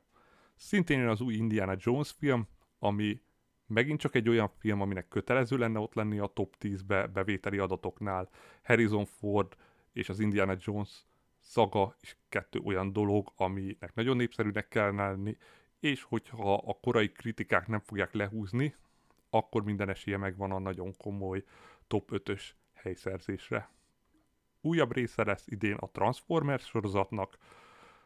amiben hát valami Transformers állatok lesznek, mindegy, ettől függetlenül ugyanúgy, ahogy a Fast and Furious neki is általában kötelező helye van, úgy, ahogy idén mondjuk a Jurassic World-nek, függetlenül a minőségétől ott szokott lenni a top 10-be, sőt a top 5-be, meglátjuk ez is meddig fog tudni jutni. Itt gyakorlatilag a filmeknek a legnagyobb vesztesége az lehet, hogy egymás elől veszik el a nézőket, úgyhogy nagyon számít, hogy mit mikor mutatnak be. Valamint, ami nagyon kérdéses, az az éhezők viadalának az előzmény filmje, ami régen nagyon sikeres volt, ma viszont megtippelhetetlen, hogy mennyi ember tud majd bevonzani ez az előzményfilm. ugye ebbe karakteres színész sincs annyira, azaz ugye a korábbi résznek nem lehetnek ott a színészei, hiszen ö, jóval fiatalabban szerepel még mindenki, úgyhogy ö, meglátjuk. Ez egy ilyen bárhol végezhet. Lehet hatalmas bukás, de akár lehet nagyon nagy siker, olyasmi, mint a Top Gun. Most nem megmondható. Az se, hogy egyetlen a top 10-be bekerül-e. Aztán általában ugye mondtam, bérelt helyük van a képregényfilmeknek. Idén 9 képregényfilm lesz, azaz gyakorlatilag majdnem meg tudnák tölteni a top 10-et. Ezeket ugyanúgy kategóriákban nézzük. Először a Marvel Cinematic Universe-be van a Galaxis őrzői harmadik része, ami lezárja a Galaxis őrzői trilógiát. Azért ezzel kezdtem, mert valószínű, hogy ez lesz a három Marvel filmből a legsikeresebb a Galaxis őrzőinek kifejezetten nagy rajongótábora van, és eddig nem voltak rá negatív jelzések. Meglátjuk, meddig fog tudni elmenni. James Gunn az jelenleg nagyon sikeres rendező, és gond nélkül ott kellene lennie az évvégi top 10-ben, akár a top 5-ben is. A másik a kérdéses már, az a Hangya és a Darás 2 Quantum Mania, ahol megint sokat ígérnek, hogy majd mit nyitnak meg a Marvel Cinematic Universe-be, de szerintem ezt már sokan nem hiszik el, ezt már öt film óta ígérik, és soha nem történt meg, és ez nem egy annyira népszerű ö, része a sorozatnak, a hangya, bár a Quantum Mania miatt esetleg meglátjuk. Én azt mondom, hogy a Galaxis őrző sikeresebb lesz, a hangya és a darázs meg meglátjuk, hogy be fog-e tudni kerülni a top 10-be, de hogy sikeres lesz magában, szerintem ez hát mondjuk nagyon sok CGI van benne, hiszen ugye a film adottságai miatt gyakorlatilag semmi nem megvalósítható élő terepen, úgyhogy valószínűleg nem került túl kevésbe. Hát meglátjuk, meddig fog tudni elmenni.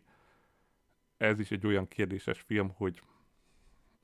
milyen lesz a visszajelzése az első nézőknek. A harmadik viszont a Marvels, ami hát nagyon kevés infónk van róla, de ez lesz az idei utolsó Marvel Cinematic Universe, mert idén csak három film lesz, de egyre több az olyan hang, ami alapján már az előző két filmnek is áthatnak, mert hogy gyakorlatilag kifulladt. Most már tényleg ezt kell mondani, ez a széria, ez a Marvel Cinematic Universe, az új karakterek bevonása, tehát ez a fiatalabb korosztálynak a bevonása, a közönséget eléggé megosztja, főleg mert ők a képregényekben is nagyon keveset szerepeltek, ha egyáltalán szerepeltek, és nem teljesen új történetszálakról van szó. Úgyhogy hát szerintem a Marvel nem lesz ott a top 10-ben, de bukás nem lesz, vagy hát én nem hiszem, bár ki tudja, ugye meglátjuk majd a visszajelzéseket, de én azt mondom, hogy ez nem lesz ott a top 10-ben. DC Extended Universe, vagy micsoda, ugye törölve lett, de még négy filmjük van, ami idén bemutatásra fog kerülni. Ezeket is nézzük nagyjából sikerességi sorrendben. Szerintem a legsikeresebb egyértelműen az Aquaman 2 lesz, mert az Aquaman 1 is gyakorlatilag szénné kereste magát, és Hiába voltak botrányok a szereplők körül, Jason Momoa el fogja vinni a filmet a hátán, és sok pénzt fog hozni, és nem ezen fog múlni amúgy, hogy törölték vagy nem törölték az egészet. Aquaman 2 ott lesz szerintem a top 10-be.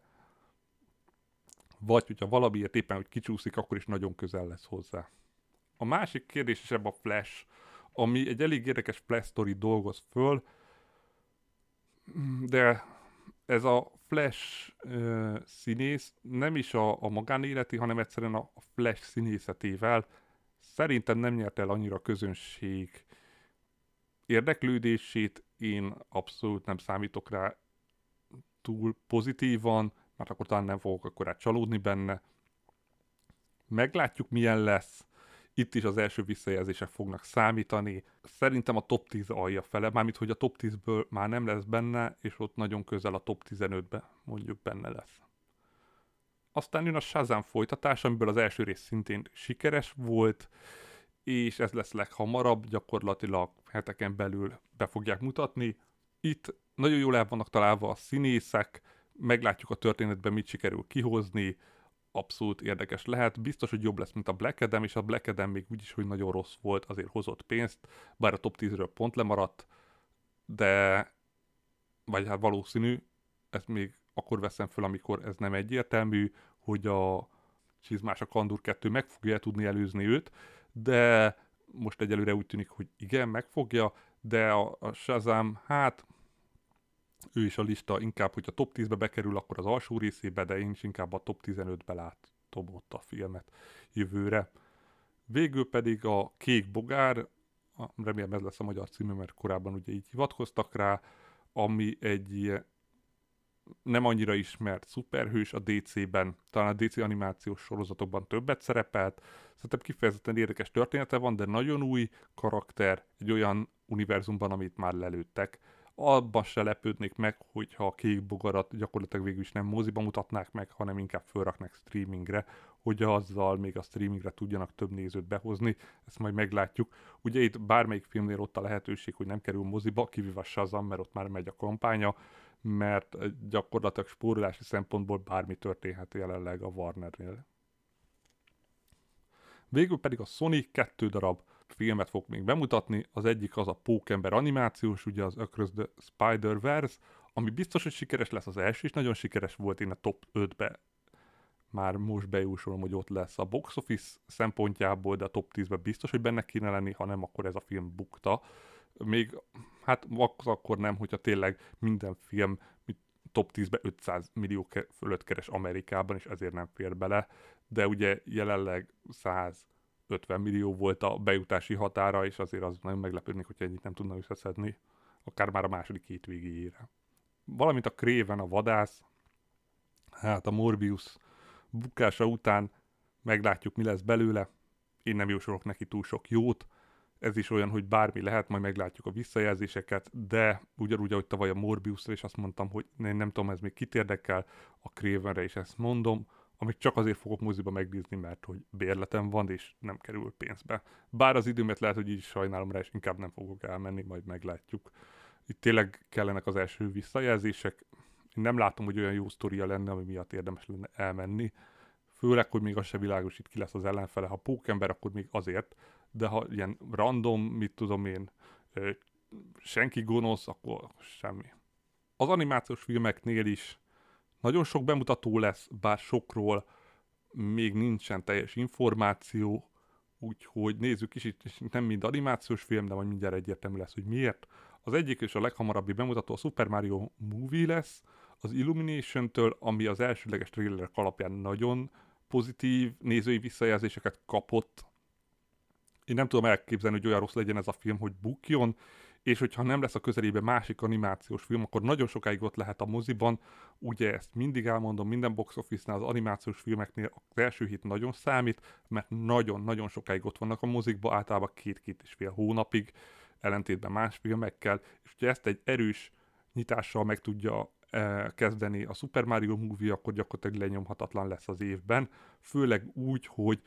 a egyszerre szól a gyerekeknek, az animáció alapján nagyon sok gyereket be fog húzni, valamint a klasszik gamereknek is a Super Mario egy olyan név, ami bármikor eladható, főleg tényleg az előzetes trailerek alapján.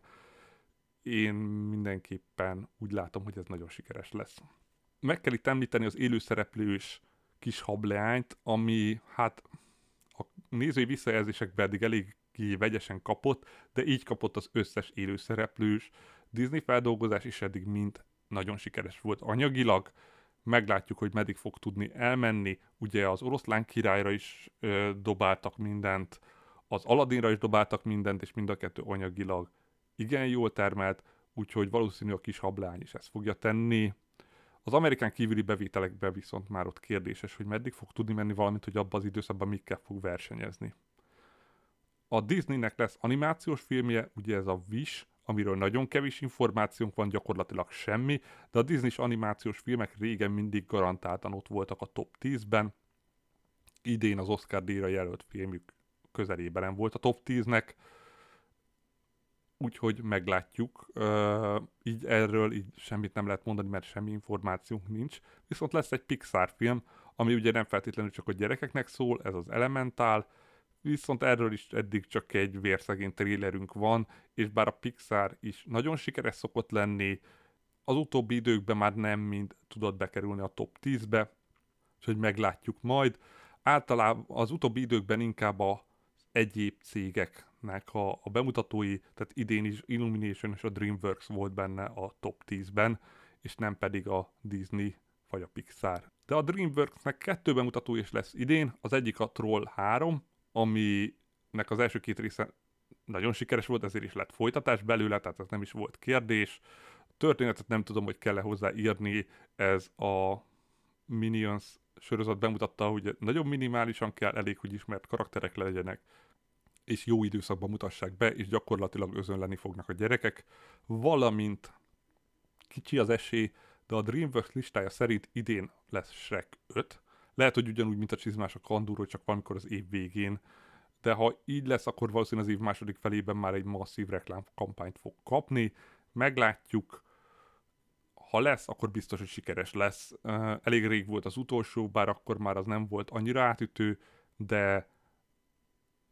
pont azért, mert elég régen volt valamit, azért, mert a csizmás kandúr az kifejezetten pozitív visszajelzést kapott, mind kritikai, mind nézői oldalról, ezért a Shrek 5 szépen húzhatja majd befele a gyerekeket. Ez is attól függ, hogy itt eddig elmondtam hat animációs filmet, hogyha ezek elég jól lefedik egymást, bármint, hogy nem egymás után vannak, hanem hagynak egymásnak szépen két hónapokat, ami nem történhet meg, mert már februárban is még egyiket sem mutatták be, akkor ott szép kifutások lehetett volna, így viszont biztos, hogy lesz olyan időszak, amikor egymással összecsap egy-egy ilyen animációs film.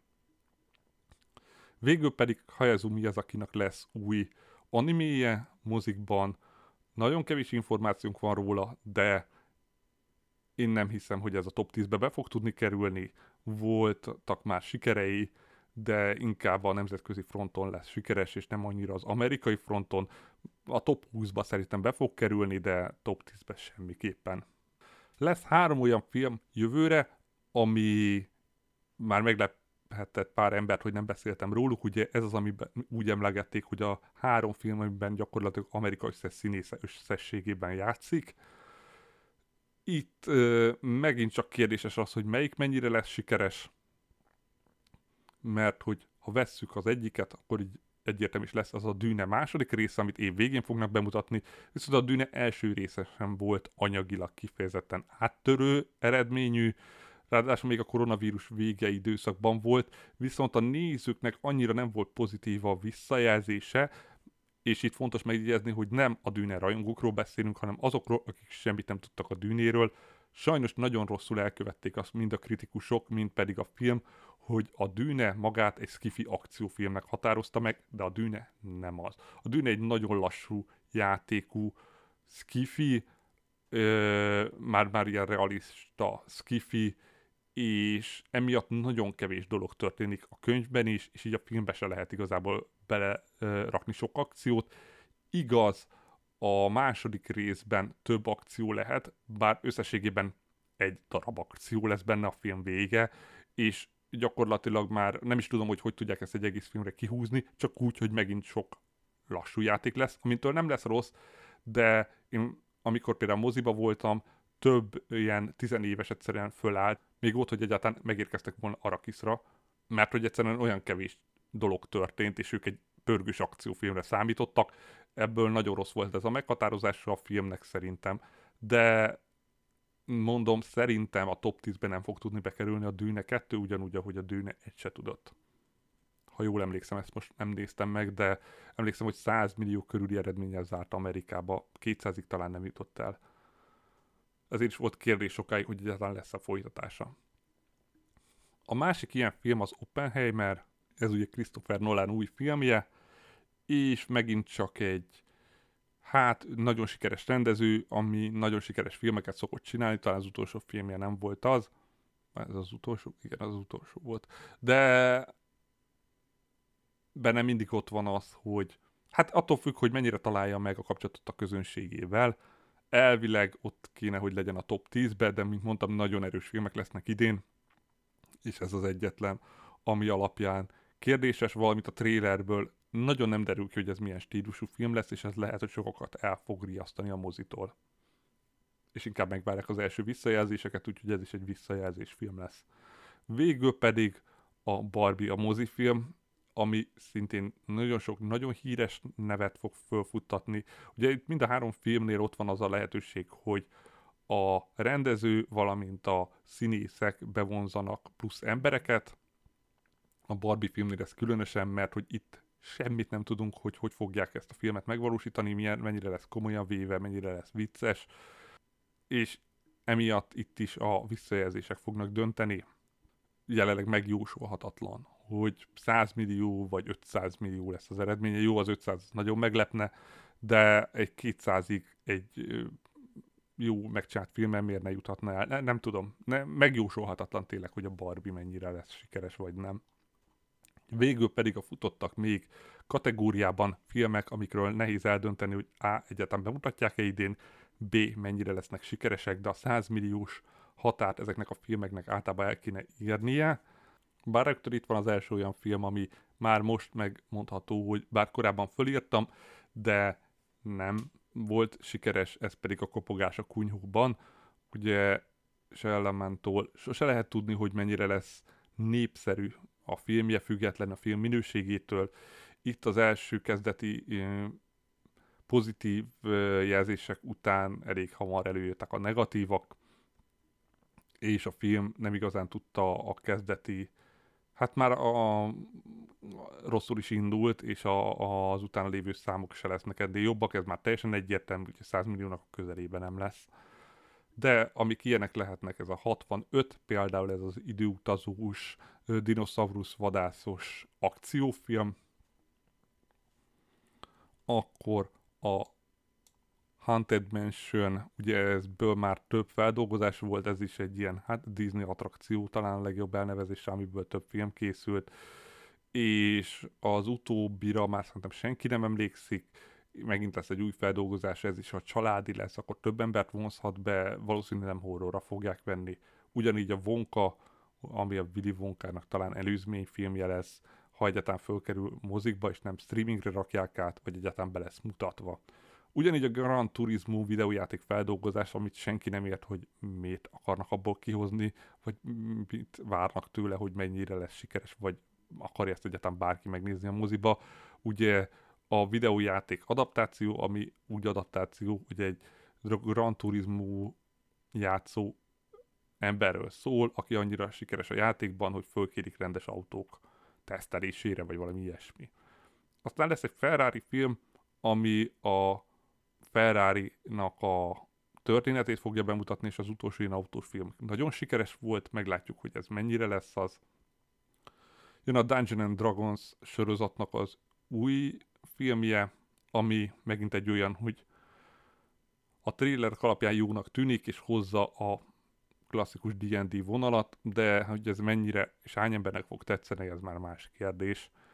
A meg 2 ha bemutatják idén megint egy olyan, hogy attól függ milyen időszakban, idén kifejezetten sok horror lesz, de hogy a meg 2 az sikeres lesz-e, hát ezt szerintem megint senki nem tudná megmondani a jelenlegi pillanatban. Ugye Jason Statham a név azért még mindig egy jó húzó név.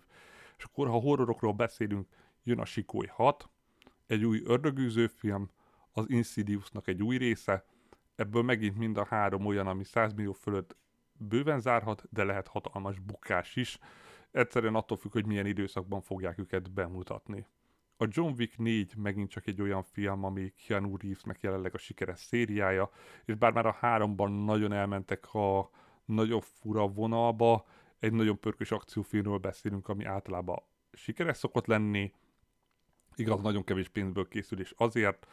meglátjuk, hogy ez mennyiből készült. Valószínű sikeres lesz, de hogy 100 millióig eljut-e, az már más kérdés. Jön egy új Poirot film, a Vadászat Velencében, lesz talán a magyar címe, meglátjuk. Üm, itt ugye ez tavaly hatalmas bukás volt a Poirot film, úgyhogy egyáltalán nem várok tőle semmire, és simán lehet, hogy gyakorlatilag megint a top 40-be se fog beférni valamint egy szellemírtók film az év végén, amiről semmi információ nincs, csak hogy lesz. Így az is simán benne van, hogy egyszerűen be se fogják mutatni, és hogyha lesz, akkor viszont a 100 millió az mindenképpen kellene neki, mert az előző se keresett túl sokat, igaz, nagyon olcsó volt a film, de ez gyakorlatilag meg fogja határozni, hogy lesz-e még további szellemírtók. Az előző kifejezetten csalódás volt, a történet szempontjából, mert hogy gyakorlatilag az első részt rebootolta. Végül pedig a Creed 3, aminek megint egy 100 millió azért beférhetne, de ez lesz az első olyan uh, Rocky spin-off, amiben nem lesz benne Sylvester Stallone. Igaz, eddig már nem tett túl sokat hozzá a Creedekhez, de azért, főleg a kettőhöz, de azért hát nélküle lehet, hogy egy csoport ember nem fog elmenni a moziba. Még úgy is, hogy ezek a bunyós filmek, hát nem, nincsen már olyan sok belőlük, hogy akiket ez érdekel, az nem menjen el erre az egyetlen vetítésre. Úgyhogy ezek a filmek, amik jövőre a top 10-be vagy 100 millió fölé kerülhetnek, ugye attól függ, hogy melyik kategóriában beszéltem róla, ezek azok, amik sikeresek lehetnek. Ö, az, hogy ezen kívül lesz-e még olyan bemutató, amiről most nem beszéltem, aztán a nagy meglepetésből előjön és letarol mindent. Majd tavaly beszéltem a Top Gun-ról, úgyhogy annyira nem volt meglepő. De mindenképpen meglátjuk majd. Egyszerűen annyira átalakult az amerikai piac, hogy nehéz bármit előre jósolni, azon kívül, hogy a képregényfilmek, az akciókaland filmek, valamint az animációs filmek mindig is sikeresek lesznek, de azért, ami ebből a listából látszik, hogy nagyon kevés az eredeti ötlet, tehát lehet, hogy egy olyan életrajzi film, mint tavaly az Elvis volt, ami ugye nem került be a top 10-be, de 12. helyet megszerezte magának, még esetleg majd föltűnik, vagy egy Smile típusú horror, aminek semmi előzetese nem volt, esetleg egy Bullet Train típusú film, ami szintén eljutott 100 millióig, de nem igazán váltotta meg az időszakot.